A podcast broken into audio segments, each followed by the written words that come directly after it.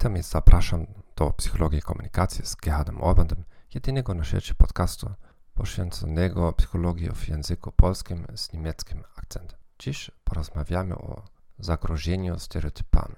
Zagrożenie stereotypami, stereotype threat, to zjawisko, kiedy ludzie czują, że istnieje ryzyko dostosowania się do stereotypów dotyczących ich grupy społecznej. To jakaż samospełniająca się przepowiednia. Najbardziej znane badania dotyczą różnic płci lub mniejszości etnicznych lub seksualnych. Zacznę jednak od nietypowego przykładu.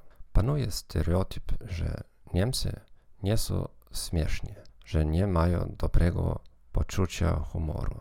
Mieszkam za granicą i często rezygnuję opowiadania dowcipów z obawy, że mogę potwierdzić stereotyp. Z drugiej strony istnieje również lęk przed występami związany z pozytywnymi stereotypami.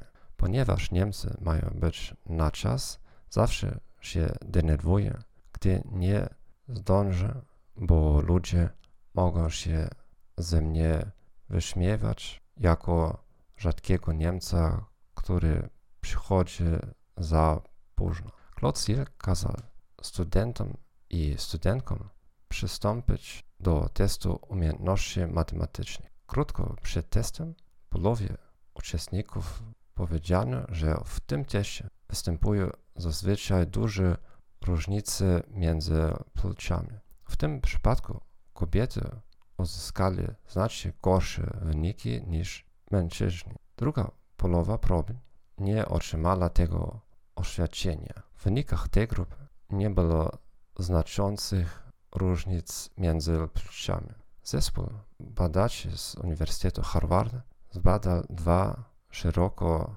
rozpowszechnione kulturowo stereotypy oraz ich wpływ na wyniki w teście z matematyki. Dwa zbadane stereotypy to z jednej strony założenie, że Azjaci mają ponadprzeciętnie umiejętności matematyczne, a z drugiej strony, że kobiety mają gorsze umiejętności matematyczne w porównaniu z mężczyznami.